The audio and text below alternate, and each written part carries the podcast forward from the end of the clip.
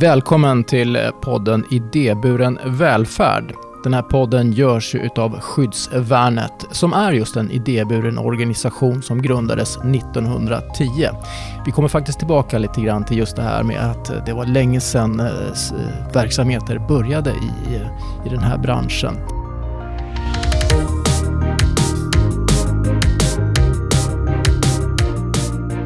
Jag som pratar heter Thomas Tränkner och idag ska du få träffa Ulrika Stewart Hamilton som är generalsekreterare för organisationen Famna. Stort välkommen hit Ulrika. Tack så jättemycket. Ja, Famna. Det är ju riksorganisationen för eh, idéburna välfärdsföretag i Sverige. Och eh, syftet, nu läser jag lite grann till här ert uppdrag är att synliggöra det här, förbättra förutsättningarna och eh, se till att det blir utveckling och tillväxt inom den här sektorn. Precis, det är det som Famna finns till för. Ja, men berätta lite kort om Famna med dina ord.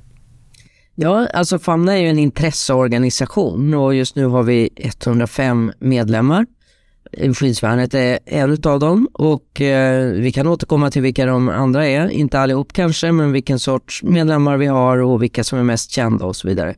Famna som sådant skapades för snart 20 år sedan. Vi firar 20-årsjubileum år 2024. Och det grundades av sju idéburna organisationer som då kände att nej men vi måste nog gå samman för att driva våra gemensamma frågor gentemot beslutsfattare och berätta att vi finns och, och vad som karaktäriserar oss. Och sen har Famna vuxit kontinuerligt från 7 då till 105 medlemmar idag. Det är dock inte hela den idéburna sektorn i Sverige. Det finns fortfarande många idéburna aktörer som inte är medlemmar i Famna och vi ska försöka värva dem också såklart. Men vi försöker efter görligaste mån att företräda hela sektorn. Allt sånt som är bra för idéburna välfärdsorganisationer försöker vi promovera. Och, och, när vi ser hinder och problem så påpekar vi det. Så i den bemärkelsen så är vi en intresseorganisation för hela den idéburna sektorn. Men vi jobbar ju primärt då för våra nuvarande medlemmar. Och eh, du själv är generalsekreterare sedan snart åtta år tillbaka, eller hur? Ja, det stämmer. Jag började i augusti 2015 faktiskt. Så det, ja. det är en lång tid. Ja, och hur kom det sig att uh, du blev generalsekreterare för Famna? Generalsekreterare är ju en spännande titel för det är det man använder just i civilsamhället för den som är högsta chef i många olika organisationer. Sen finns det ju FNs generalsekreterare och sådär och det har väl lite annan karaktär att skilja från, till exempel generaldirektör säger en del, nej, nej, nej, säger jag, det är ju staten. Alltså det är viktigt det där, det är ju skillnad. Civilsamhället är ju en egen sektor, det är inte offentlig sektor och det är inte privat marknad.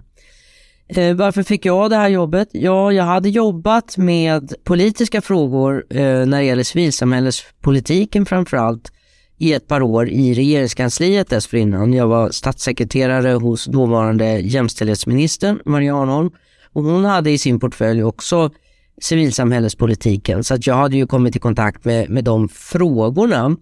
Sen har jag väl varit en civilsamhällesperson i stora delar av mitt liv. Jag menar, allt från det att jag var med i Sjöscouterna när jag var barn till engagemang för internationella frågor när jag gick på gymnasiet och så vidare. Men eh, själva meriten för att få jobbet eh, tror jag framförallt var eh, att jag vet hur offentligt beslutsfattande går till och därför kan driva eh, påverkansarbete, för det är också det som en intresseorganisation är till för. Och eh, vi har ju faktiskt i ett tidigare avsnitt här mött Stefan Nilsson som är din ordförande, eller hur? Precis, han är ordförande sedan några år och eh, är ju chef för ett av Famnas eh, största medlems, eh, en av Famnas största medlemsorganisationer, eller den största, Ersta diakoni. Precis, så att du som hör på mig och Ulrika, gå tillbaka och lyssna på när Stefan berättar om Ersta diakoni och hela hans värld. Men eh, Ulrika, det måste ju vara ganska tacksamt på ett sätt menar jag att jobba som generalsekreterare för Famna när det finns så mycket verbal support för det här. Ja, det finns mycket verbal support. Vi undersöker ju eh, lite då och då, ungefär en gång per mandatperiod, vad förtroendevalda tycker om idéburen välfärd idéburen välfärdssektor och de aktörer som finns där. Och eh, från vänster till höger så får vi väldigt mycket hejarop i de där undersökningarna. Man vill gärna se mer av idéburen välfärd. Det har vi liksom svart på vitt om. Sen så är det ju inte riktigt samma sak att gå från ord till handling och det är väl där vi kommer in då som ibland lite tjatig och förhoppningsvis uthållig och kunnig intresseorganisation för att påpeka att okej, okay, om ni nu vill ha mer av idéburen välfärd, då krävs det att och så de åtgärder vi tycker behövs. För att det är ju så att eh, om man läser lite grann om statistiken på det här hela ska säga, omsorgssektorn så är det en väldigt liten andel som hamnar just inom eh, idéburna verksamheten, 3 Och jag läste någonstans att ni eh, kör med en hashtag som heter 102030. Precis. Och det handlar alltså om att år 2030 så är målet att det går, går från 3% till 10% av hela kakan. Ja, det är ett väldigt ambitiöst mål. Eh, man kan ju tycka att det är möjligen helt ouppnåeligt. Men då ska man veta att i Norge till exempel så ligger sektorn på 9% och i Danmark runt 14 så att eh, när styrelsen formulerade det här målet och faktiskt gjorde en del beräkningar, vad skulle det kräva för årlig tillväxt och, och så, så, så sa de ju också, eller vi, att eh, om vi klarar av att ligga någonstans mellan Norge och Danmark, det är väl inte så extremt. Om man tittar i andra länder i Europa så är ju andelen ännu större. Och då har man ju lite olika välfärdstraditioner och hur välfärden har utvecklats och så, så man kan inte jämföra rakt av. Men, men eh, Danmark och Norge har snarlika välfärdsstater och snarlik eh, historia som, som Sverige i de här frågorna. Så därför är det ganska lätt att, att jämföra sig med dem. Men det finns väl en historisk anledning till att det ändå är så här lågt med tanke på det sätt eh, staten handlade upp den här typen av tjänster på 90-talet? Alltså, eh, många av våra medlems, medlemsorganisationer, medlemmar, har ju funnits väldigt, väldigt länge. Du har ju intervjuat eh, Ersta diakonis chef. Jag brukar eh, berätta, det är ju lite av en liksom, anekdot men ändå sant, att den äldsta medlemmen grundades av Gustav Vasa. Det är då stiftelsen Danviks hospital, numera Danviks hem, som är ett äldreboende utanför Stockholm. Så att vi kan ju verkligen hävda att det handlar inte om någon kvartalskapitalism. Det finns en uthållighet. En annan stor medlem, Bräcke diakoni, firar 100 år i år. Eh, du nämnde skyddsvärnet, grundades 1910 och så vidare.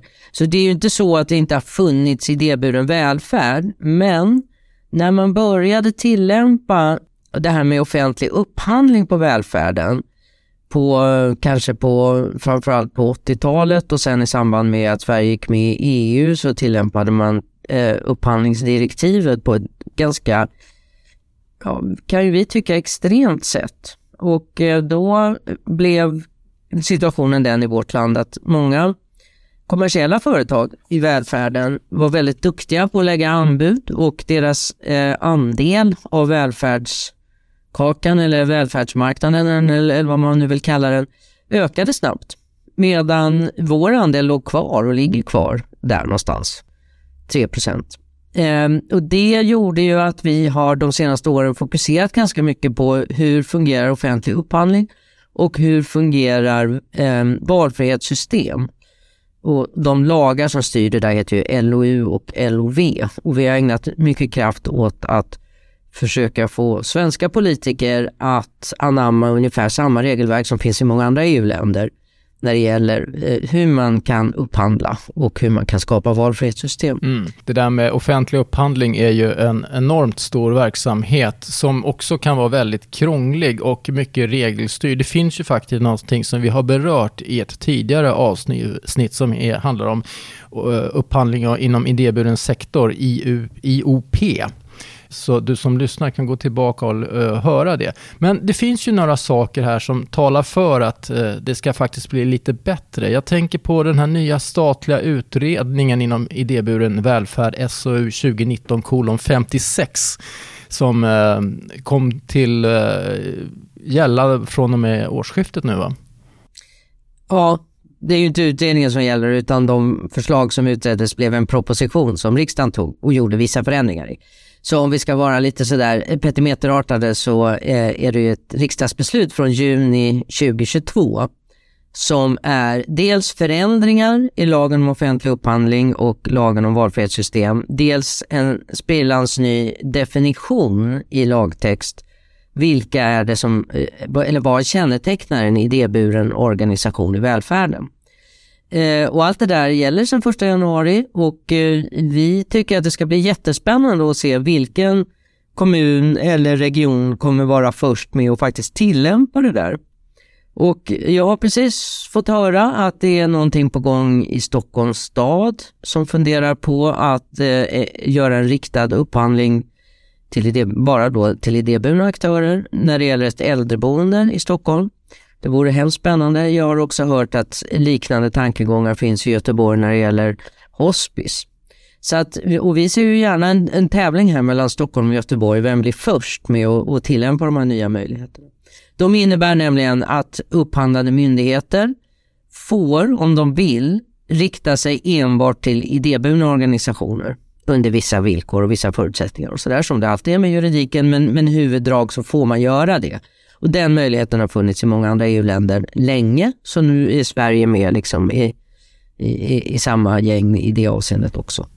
Och eh, när Ulrika säger att eh, hon ser fram emot det här, då menar hon från perspektivet den 11 maj, som är datumet idag när vi spelar in det här.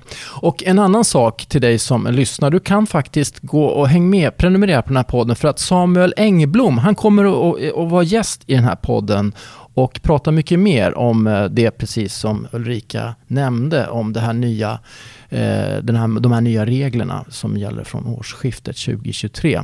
Men Ulrika, ska vi gå tillbaka till Famna och eh, era 105 medlemmar? Du sa att många har många, många år, kanske 100 år eller mer på nacken, men det finns ju också de som är yngre. Vilka är de senast tillkomna och vad gör de för någonting? Ja, det finns några bra exempel på senast tillkomna. Um, i modern tid så att säga, som har tillkommit så är det framförallt um, kvinnojourer, skyddade boenden och, och, liknande för att bistå kvinnor som utsätts för uh, våld av sina partners i regel. Ba, äh, kvinnor och barn ska jag säga. Och eh, det är ju dessvärre eh, någonting som har eh, vuxit fram ett, ett behov. Det, behovet kanske har funnits länge men kvinnojourer har vuxit fram de senaste decennierna. Och många av dem är med i, i Famna och deras paraplyorganisation Unison är faktiskt också med i Famna. Så där är det ett, ett paraply och ett paraply så att säga.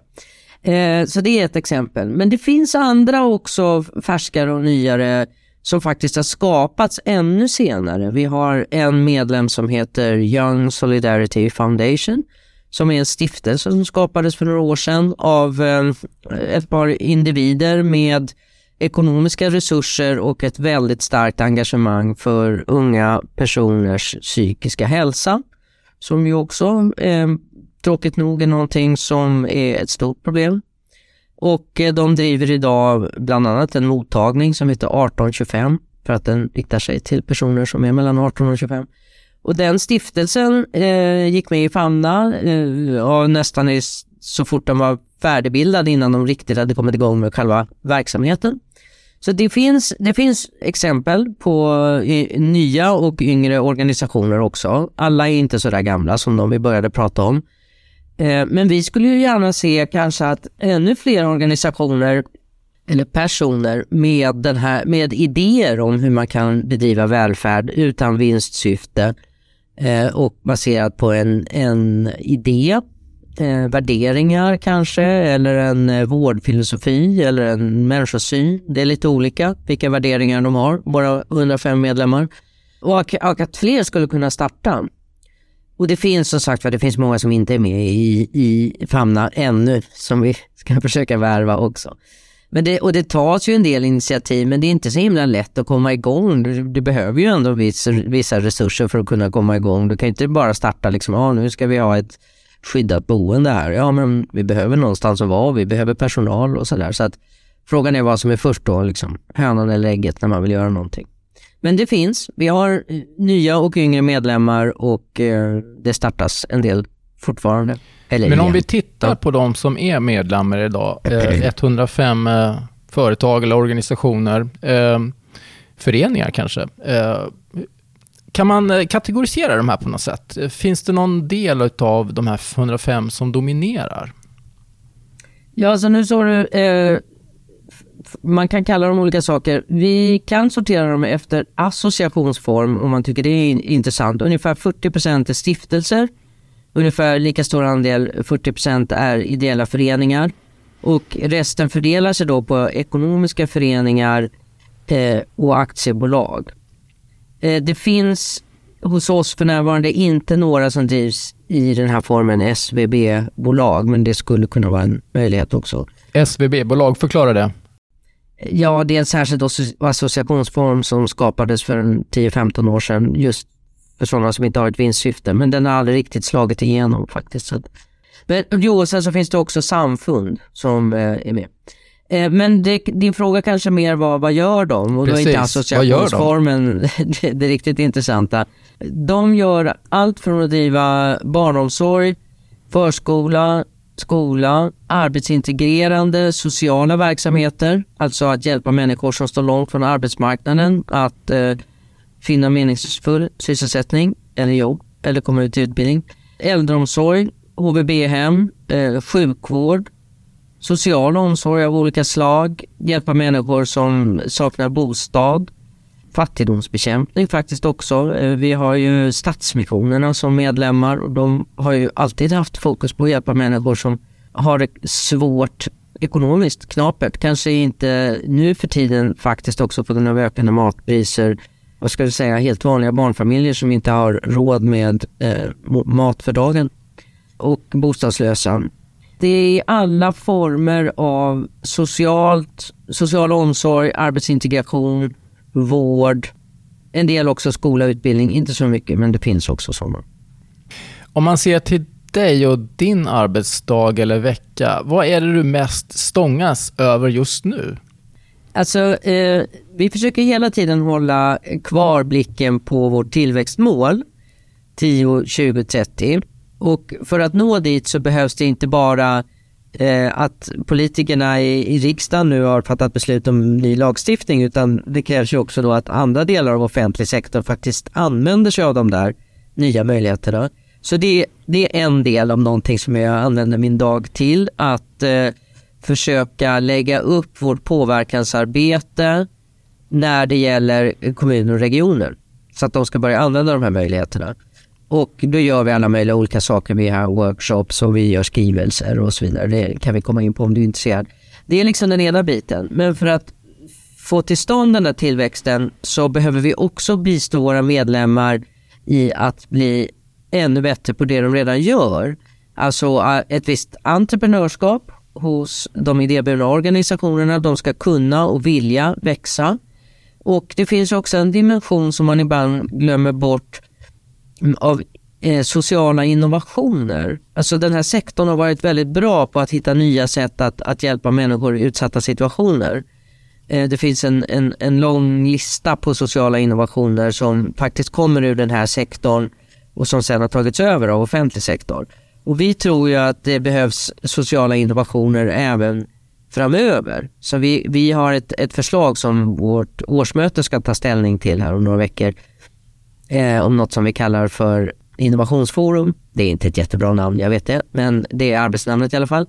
Och eh, där vi ska försöka mm, skapa möjligheter för våra medlemmar tillsammans med kanske forskare och aktörer ur näringslivet också när det passar att eh, få syn på sociala innovationer och sprida dem mellan de idéburna organisationerna. För många är jätteduktiga på någon viss aspekt och har en väldigt fin metod för att hjälpa människor i en viss situation eller med vissa problem.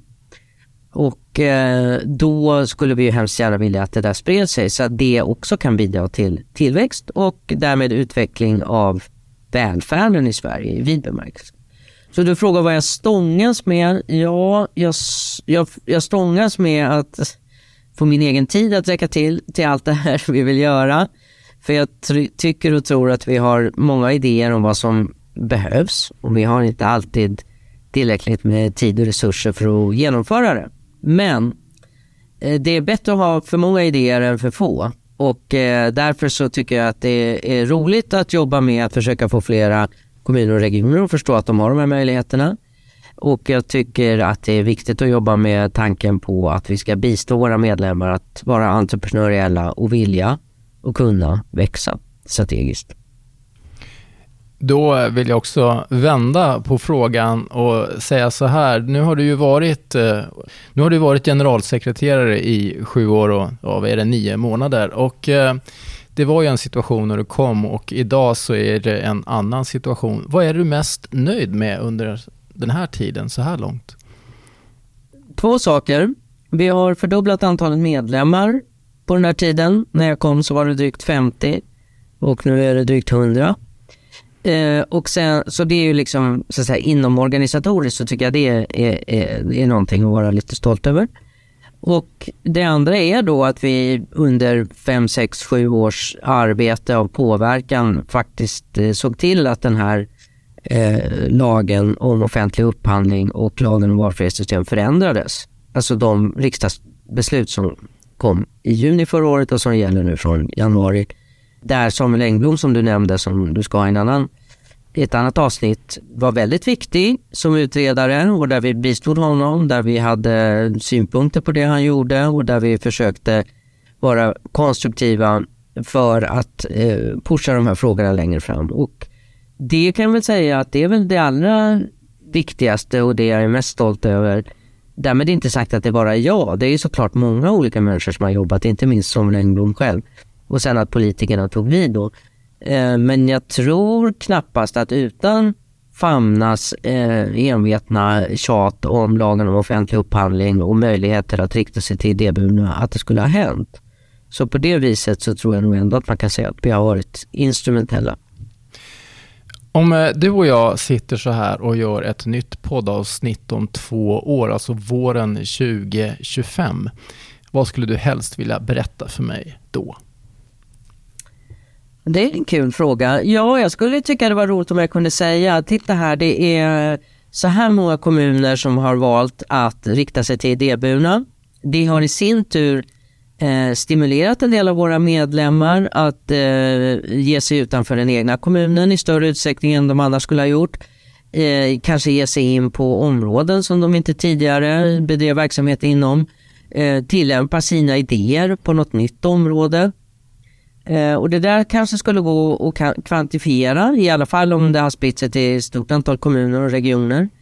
Det tycker jag skulle vara väldigt roligt att kunna säga om, om, om två år, om vi har lyckats med det. Mm. Eh, och sen så småningom så måste vi också börja eh, räkna på, kommer vi lyckas med det här 10, 20, 30? Eh, det är för tidigt att säga. Det är ett ambitiöst mål, men eh, jag tror och är övertygad om att de här lagförändringarna som vi ändå har fått till stånd är ett trappsteg i den utvecklingen. Inte bara liksom att ja, det kanske fortsätter ungefär som förut, utan det finns liksom en ny platå nu att jobba från. Och det känns bra. Och det hoppas jag om två år, om vi sitter här, att jag kan säga, titta det gick. Det var fler som nappade på det och därför så har tillväxten nu börjat komma igång och vi har en större andel av välfärden. Men jag kan också säga en annan eh, intressant detalj i den delen. Det är lite dålig statistik på det här området. Så att när vet man hur stor andel av välfärden ett visst år som är idéburen? Vad tror du svaret är på den frågan? Ja, det kanske tar ett eller två år innan man vet det till och med. Ja, mer eh, om man någonsin får veta det. Den här andelen 3% som vi pratar om, eh, och så offentlig sektor någonstans 78-80 och resten i privata företag. Det är norska forskare som har jämfört dansk och norsk och svensk statistik och, och gjort en del beräkningar för att komma fram till det. Så det är inte så att man liksom kan slå upp SCBs hemsida och, och hitta de här andelarna lätt. Så det kommer också krävas lite utveckling av statistiken men sen så släpar också informationen eh, efter. Så att eh, om två år så kanske jag vet hur det ser ut 2023. Medan jag idag ungefär vet kanske hur det såg ut 2021. Om vi ska vara riktigt noggranna. Men så där är det ju på många samhällsområden. Lite pikant detalj bara. Men eh, några avslutande önskningar då, eller uppmaningar till den som lyssnar. Du pratade om att medlemsantalet, det är en, ett viktigt mål för dig att öka det. Eh, varför ska man bli medlem i Famna? Det ska man bli om man tycker att den eh, idéburna välfärden är, är viktig och har någonting unikt att bidra med i välfärden. Därför att, just därför att vårt uppdrag är att synliggöra den. Det gör vi på många olika sätt. Vi har inte pratat om allting här men vi har ju möten av olika slag med eh, politiker och andra beslutsfattare. Man ska också gå med om man vill delta i professionella nätverk av likasinnade. Vi har ett antal nätverk man kan utvecklas med hjälp av andra idéburna organisationer. Och vi har också ganska mycket planer just därför att vi har jubileum nästa år i, inom ramen för ett jubileumspaket att se till att, att underlätta för eh, sociala innovationer och det där tror jag kan bli en väldigt spännande process för de som väljer att, att delta i det. Så det finns många skäl för varför man ska vara med i Famna. Bra. Och eh, om du som hör på mig och Ulrika verkligen vill ta nästa steg i det här så ska du gå in på famna.org helt enkelt. Och just nu idag så står det att ni håller på att jobba med en ny hemsida som kommer senare under året här, eller hur? Ja, precis. Så just, just när du lyssnar på det här, om du inte tycker att den här hemsidan har så mycket information, skicka mig ett mail istället, för den är under omarbetning. Och mejlet till dig, det är ju ulrika.stewart eh. Precis. Vad bra Ulrika. Tack så hemskt mycket för att eh, du var med i podden Idéburen välfärd. Det var jättetrevligt och roligt att få vara med och berätta mera. Tack snälla Thomas Tenkner. Och eh, tack också till dig som lyssnar. Jag vill ju att du gärna skriver en kommentar eh, om avsnittet eller om du har några synpunkter på vad det vi säger. Prenumerera också på podden så missar du inga kommande avsnitt. Vi hörs igen snart. Hej då!